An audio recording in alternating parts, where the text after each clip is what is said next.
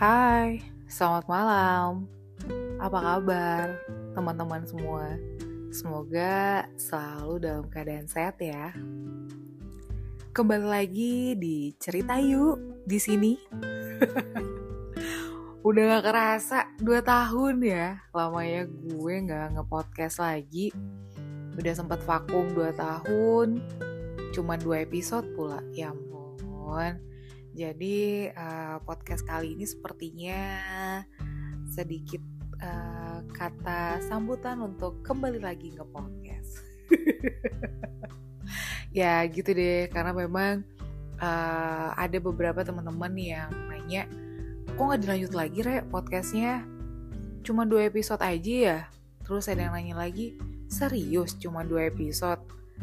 Apa nggak ada kelanjutan? Nah, pertanyaan kayak gitu banyak banget tuh yang datang. Uh, apa sih silih berganti ke gue? Ya ampun bukannya yang gak mau bukannya hanya dua episode gitu. Karena emang uh, beberapa waktu belakangan lalu ya hampir dua tahun ya itu sebenarnya ada hal-hal yang tidak terduga gitu loh dalam kehidupan gue gitu. Jadi uh, gue tuh kayak gagal fokus untuk melakukan yang mana, yang mana yang harus gue dahulukan, atau yang mana yang harus gue prioritaskan, atau yang mana sih yang harus gue abaikan gitu loh. Jadi tuh sebenarnya hmm, cerita sedikit ya, ke mana aja sih selama 2 tahun gitu ya. Gak ke mana-mana, sama sekali gak ke mana-mana. Cuman memang um, selama 2 tahun ini gue itu lagi berusaha untuk belajar memahami diri sendiri. Jadi tuh uh, mungkin ada beberapa teman-teman gue yang tahu kalau Rere tuh sebenarnya Odapus ya. Mungkin sebagian udah ada yang tahu. Jadi kalau misalnya pendengar yang baru uh, sekilas info asik. Gue tuh adalah seorang Odapus ya kan gue tuh uh, difonis lupus itu 2007 nah jadi uh, belakangan dua tahun yang lalu ya itu gue sempat menghadapi yang namanya anxiety. Jadi kecemasan yang berlebihan udah hampir di tingkat depresi kecemasan. Terus ternyata usut demi usut ada apa sih dengan itu sebenarnya? Gitu ternyata itu adalah penyebab dari beberapa obat yang gue minum. Jadi sih uh, karena obat itu terlalu banyak dikonsumsi salah satu penyebabnya ada mengarah kepada ke sana gitu. Nah sebelum itu terjadi sebelum gue difonis anxiety depression ini gue tuh sebenarnya duh maaf ya teman-teman kalau misalnya kedengeran ada suara-suara yang uh, seliweran. Maklum lah gue lagi ngetek podcastnya lagi di jam-jam belum senyum nih ya. Oke lanjut lagi deh.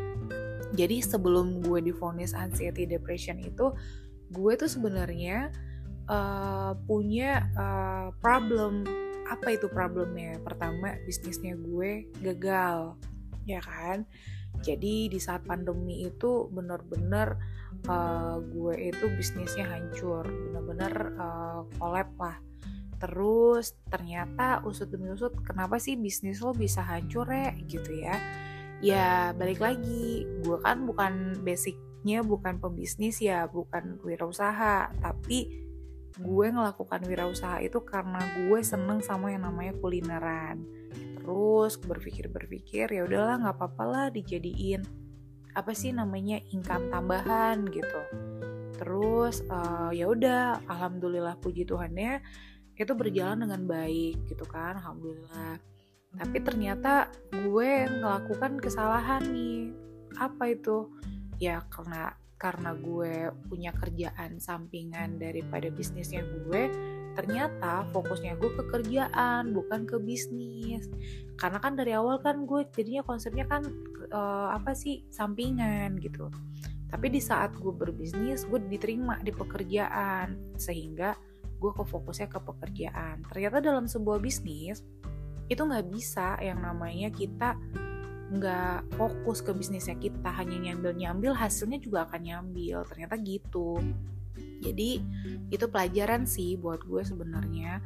Sampai pada akhirnya gagal kan bisnis yang pertama. Nah itu gue drop sih sebenarnya drop banget. Karena ngebangunnya juga nggak gampang gue kecewa. Terus gue juga bikin kecewa suami gue walaupun sebenarnya suami gue nggak ngomong ke gue dia kecewa gitu. Tapi ya namanya kita cewek ya peka lah dengan bahasa tubuhnya dia gitu ya nah udahlah kan akhirnya oh, gue down tuh di saat bisnisnya gue hancur. Udah gitu gue bangkit lagi dengan bisnis yang kedua.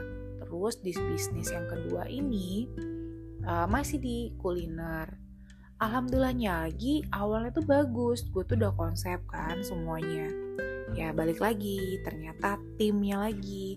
Jadi kalau dibilang gue nggak bisa ngelit tim kayaknya iya deh gue terlalu gampang percayaan sama orang. Terus gue juga orangnya nggak tegaan kalau misalnya timnya gue lagi ada masalah atau timnya gue lagi uh, apa sih namanya uh, lagi sedih. Karena bagi gue kerjaan itu bergantung kepada mood seseorang. Jadi kalau misalnya moodnya tim gue jelek gue berusaha buat memperbaiki mood itu. Ada baiknya sebenarnya tapi di satu sisi kita manusia kan ada batasnya ya. Nggak bisa kita uh, terlalu jauh masuk ke dalam ranah seseorang gitu loh. Nah karena gue terlalu bawaannya perasaan terus gue tipe yang terlalu uh, solidaritas banget ke orang-orang ke timnya gue ternyata timnya gue juga ya itu tuh yang ibarat kata pepatah dikasih hati minta jantung. Ya udah ngacir deh uh, timnya gue gitu kan. Nah dulu waktu episode pertama dan kedua di podcastnya gue itu kan gue nggak kontrak ya kontrak tinggal di rumah kontrakan. Nah yang baru alhamdulillah gue di tahun ini di tahun yang lalu ya itu gue udah tinggal di rumah sendiri. Alhamdulillahnya udah punya rumah sendiri. Nah seiring waktu bisnisnya kan masih jalan ya. Tapi setelah gue pindah ke rumah yang baru ya gitu. Timnya itu kayak keberatan karena alasan transportasi ke rumahnya gue itu terlalu jauh. Terus alasan lagi jalannya lah yang dibilang jelek gitu kan ya. Ya namanya juga kita tinggal di perumahan baru gitu kan ya. Menurut gue sih sebenarnya nggak ada alasan yang kayak begitu gitu. Hanya saja ya namanya juga anak zaman now ya. Kepengennya tuh kayak pengen punya penghasilan lebih tapi nggak mau susah. Punya penghasilan tinggi tapi nggak mau riuh atau ribet. Terus pengen pekerjaan yang bagus tapi nggak mau capek. Lucu ya. Rata-rata yang gue temui anak zaman sekarang tuh kayak gitu. Gue nggak bilang semua tapi rata-rata yang ketemu sama gue kayak gitu. Gue nggak tahu nggak tahu apa yang salah dari mereka gitu ya. Karena kalau mindset anak 90-an nggak kayak gitu. Penting lu kerja tunjukin uh, apa sih potensial lu terus uh, nanti hasil dari kerja lu menentukan berapa lu akan dibayar sama seseorang. Kalau gue sih dulu gitu ya. Rata-rata anak 90-an sih pasti ngerasakan hal yang kayak gitulah gitu. Ya udah deh ya kita skip lah cerita itu. Jadi akhirnya dua-duanya bisnis gue gagal. Tapi yang kedua gue nggak bilang gagal hanya gue ngebangun bisnis itu dengan sendiri jadinya. Gue nggak punya tim tapi gue lakukan itu sendiri. Ternyata gue ngelakukan sendiri nggak banyak komplain. Waktu ada tim ada komplainan gitu. Kadang yang rasa dari cemilannya gue itu stabil kadang rasanya berubah. Tapi setelah gue pegang sendiri justru malah komplainan nggak muncul justru malah uh, apa sih tingkat pemesanannya lebih tinggi. Sehingga gue yang kewalahan gitu karena kan keterbatasan tenaganya gue kan.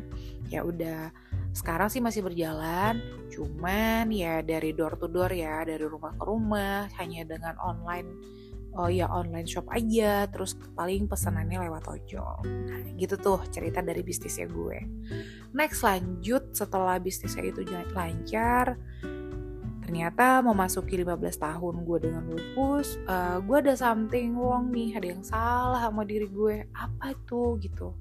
Kok gue tuh bangun tidur tuh selalu cemas gue bangun tidur tuh selalu gak nyaman gue bangun tidur tuh selalu dalam keadaan lelah. Jadi ternyata gue memiliki setelah gue datengin uh, dokter ternyata dokternya jelasin ke gue lu tuh udah termasuk digolongkan di anxiety depression gitu. Uh, depresi kecemasan. Nah gue shock dong gitu kenapa kok bisa? Nah jadi salah satu nah mungkin ya buat teman-teman nih sebelum gue lanjut nih ya buat teman-teman mungkin yang punya penyakit lupus kayak gue uh, diperhatikan banget deh mood pola pikir dan uh, memendam. Nah mungkin waktu kejadian dua tahun yang lalu itu gue uh, terlalu memendam apa yang gue pikirkan, apa yang gue rasakan, up and downnya sebuah bisnis, terus up and down pikiran gue. Karena kan hidup itu bukan hanya di bisnis aja, ada juga yang uh, yang di circle-nya, ada juga yang lingkungannya, ada juga yang di dalam uh, rumahnya, ada juga yang dalam keluarganya gitu. Itu kan semua bercampur baur gitu kan ya. Nah ternyata gue downnya di sana gitu di bisnisnya gue yang gue pendam selama ini. Terus gue pengen nyampaikan ke orang, gue kan tipe anaknya nggak bisa ceritaan ya. Jadi kalau misalnya gue cerita masalah gue, gue tuh kayak orangnya tuh tipe nggak bisa ngeluarin apa yang gue rasain gitu. Jadi which is ke ke temen gue pun gue kayak bener-bener kayak ke filter sendiri gitu gue mau ngomong apa gitu. Nah paling gue tuh ngobrolnya itu adalah ke suami gue kalau nggak ke uh, saudaranya gue which is adik-adiknya gue gitu kan.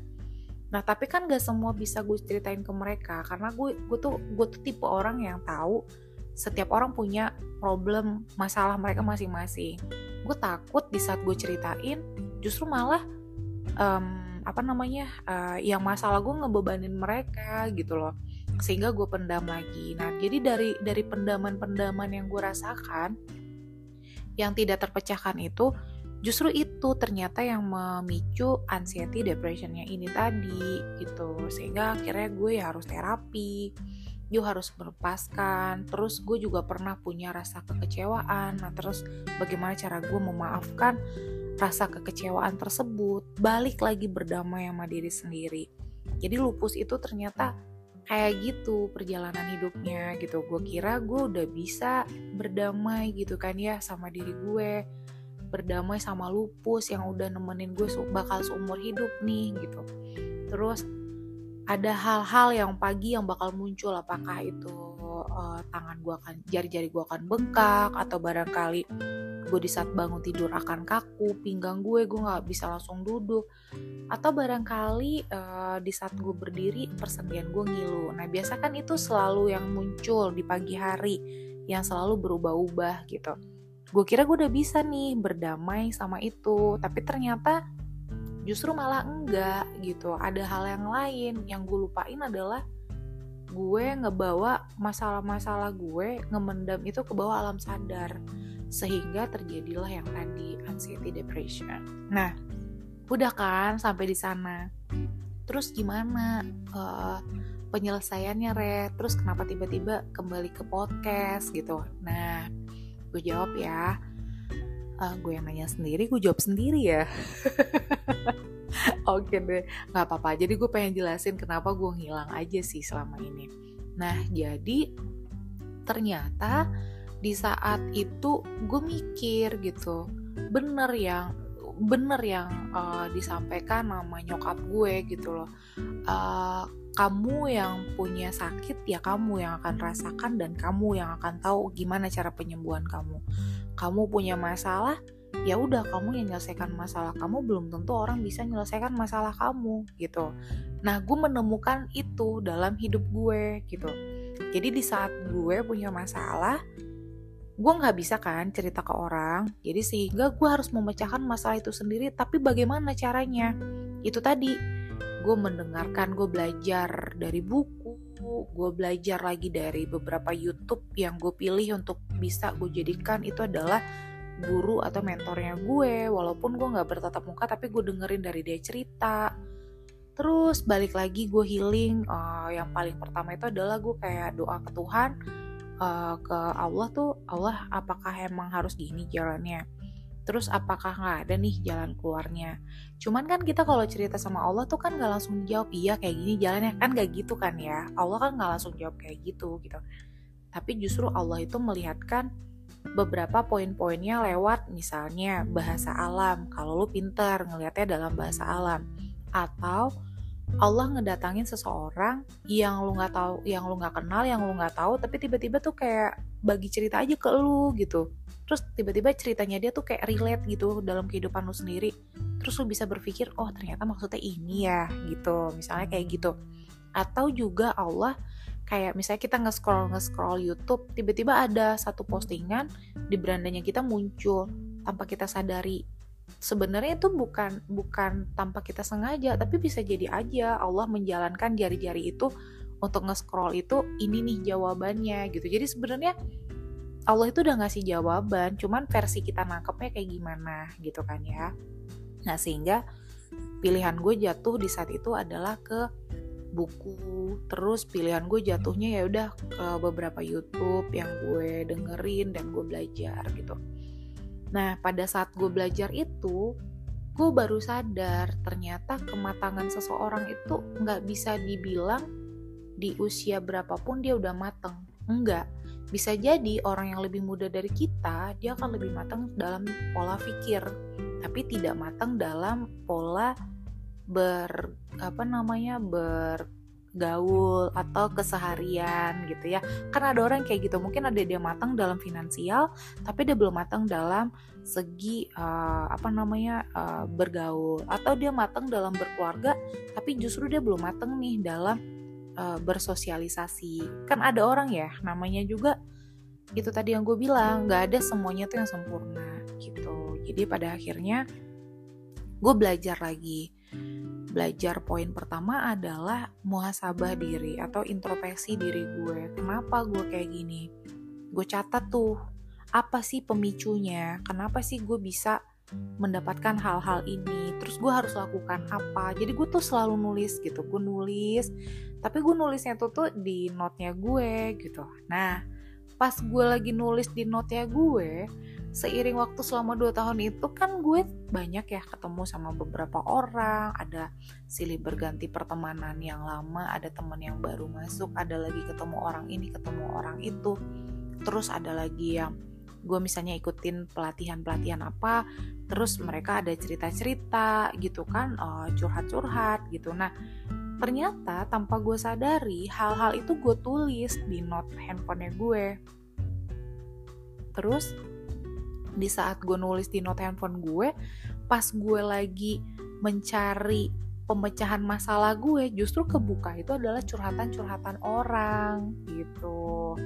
Nah dari sana lah gue bilang wah kayaknya nih kalau banyak banget curhatan orang yang udah lu tulis kapan mau dibacain? Ini kayaknya mungkin ada dari beberapa orang yang punya masalahnya sama kayak orang yang cerita ke lu re gitu. Nah bisa jadi aja dengan bantuan dari ceritanya lu uh, itu bisa menjadi uh, masukan buat mereka yang mendengarkan podcast lo. Nah dari situ tuh muncul lagi deh uh, semangat gue untuk ngepodcast jadi ternyata gue baru sadar gitu. Gue tuh adalah tipe orang yang suka bercerita apa yang baru gue pelajari dari diri gue. Nah yang anehnya alam tuh kayak ngedukung gue. Jadi setiap gue ketemu sama orang orang tuh selalu curhat ke gue gitu. Maksudnya which is nggak nggak bilang eh gue curhat dong. Nggak langsung bilang gitu tapi mereka tuh kayak eh menurut lo kira-kira kalau kayak gini gimana? Gue tuh punya masalah tuh gini gini gini gini. Terus uh, endingnya tuh seperti ini. Gue bingung deh nanggapinnya kayak gimana. Kira-kira menurut lo kayak gimana? Nah hal-hal yang kayak gitu tuh yang akhirnya kayak kesaring gitu. Nah sering banget kejadian. Orang-orang tuh cerita kayak gitu ke gue. Walaupun misalnya gue baru ketemu hari ini terus uh, ngobrol ya paling 15 menitan lah gue ngobrol sama dia. Ya tiba-tiba dia kayak udah ngebuka diri untuk cerita ke gue gitu. Jadi gue tuh kayak pikir oh apakah senyaman itu cerita ke gue? Gitu kan ya. Ya udahlah gitu. Akhirnya gue setelah nah gue kan tipe anaknya gini nih uh, kalau misalnya udah ketemu sama orang uh, terus malamnya tuh gue kayak ngerangkum sendiri hari ini. Jadi gue sebelum tidur tuh kayak inget lagi. Dari gue bangun tidur sampai gue mau tidur gue udah ngelakuin apa aja Nah tiba-tiba ada dong gue hari ini ketemu sama orang ini terus orang ini cerita ini ke gue. Nah bagi gue itu poin yang yang kayak begitu tuh gue catet. Oh iya gue belum catat ya cerita ini gitu. Nah di situlah makanya ceritanya numpuk jadi panjang banget ya cerita gue tapi ya gitu sih teman-teman jadi mungkin buat uh, lu semua yang pada denger uh, setiap orang tuh punya proses beda-beda setiap orang tuh punya apa ya namanya ya punya jalan hidup tuh yang berbeda-beda. Jadi ada orang yang tiba-tiba kalau misalnya ngilang wih dia kok sombong banget sih kok dia ngejarak? Atau barangkali oh kok dia kok dia ngindar sih dari kita? Gitu kan kayak atur jarak enggak sebenarnya nggak gitu. Cuman barangkali dia butuh waktu aja buat belajar tentang diri dia sendiri. Nah singkat cerita akhirnya gue balik. Jadi doain gue biar gue bisa konsisten untuk uh, bikin podcast ini. Dan doain gue juga semoga gue bisa memberikan eh, cerita-cerita yang menarik buat didengar sama lu semua. Dan satu hal sih yang perlu gue garis bawahi gue nggak bisa memberikan solusi seperti yang lu mau tapi setidaknya gue bisa memberikan dari sudut pandang gue. Semoga apa yang keluar dari sudut pandang gue itu bisa menjadi uh, apa ya solusi buat lo atau bisa menjadi uh, gambaran oh ternyata menyelesaikan masalahnya seperti ini. Kayak gitu. Jadi thank you banget buat teman-teman yang udah nanyain gue niat atau nggak niat buat podcast? Niat lah masa nggak niat sih? Ya kan? Cuman ya setiap orang kan butuh proses. Kadang setiap orang itu juga butuh perjalanan sehingga dia memutuskan untuk balik lagi dengan kegiatan dia yang lama. Gitu ceritanya dan pastinya hari ini uh, kebetulan gue ngetek podcastnya malam nih Jadi malam hari ini gue cuma pengen cerita itu dulu aja Kenapa gue balik lagi? Ya sekedar say hello buat balik lagi Welcome back Rere di Cerita Yuk di sini. Jadi buat teman-teman yang pengen cerita, pengen sharing, berbagi cerita ke gue, boleh banget. Silahkan nanti kirim di email yang bakal gue terakan di podcastnya terus bisa juga nge-DM di uh, Instagramnya cerita yuk di sini. Thank you banget teman-teman yang udah dengerin cerita yuk di sini bareng gue. Selamat malam.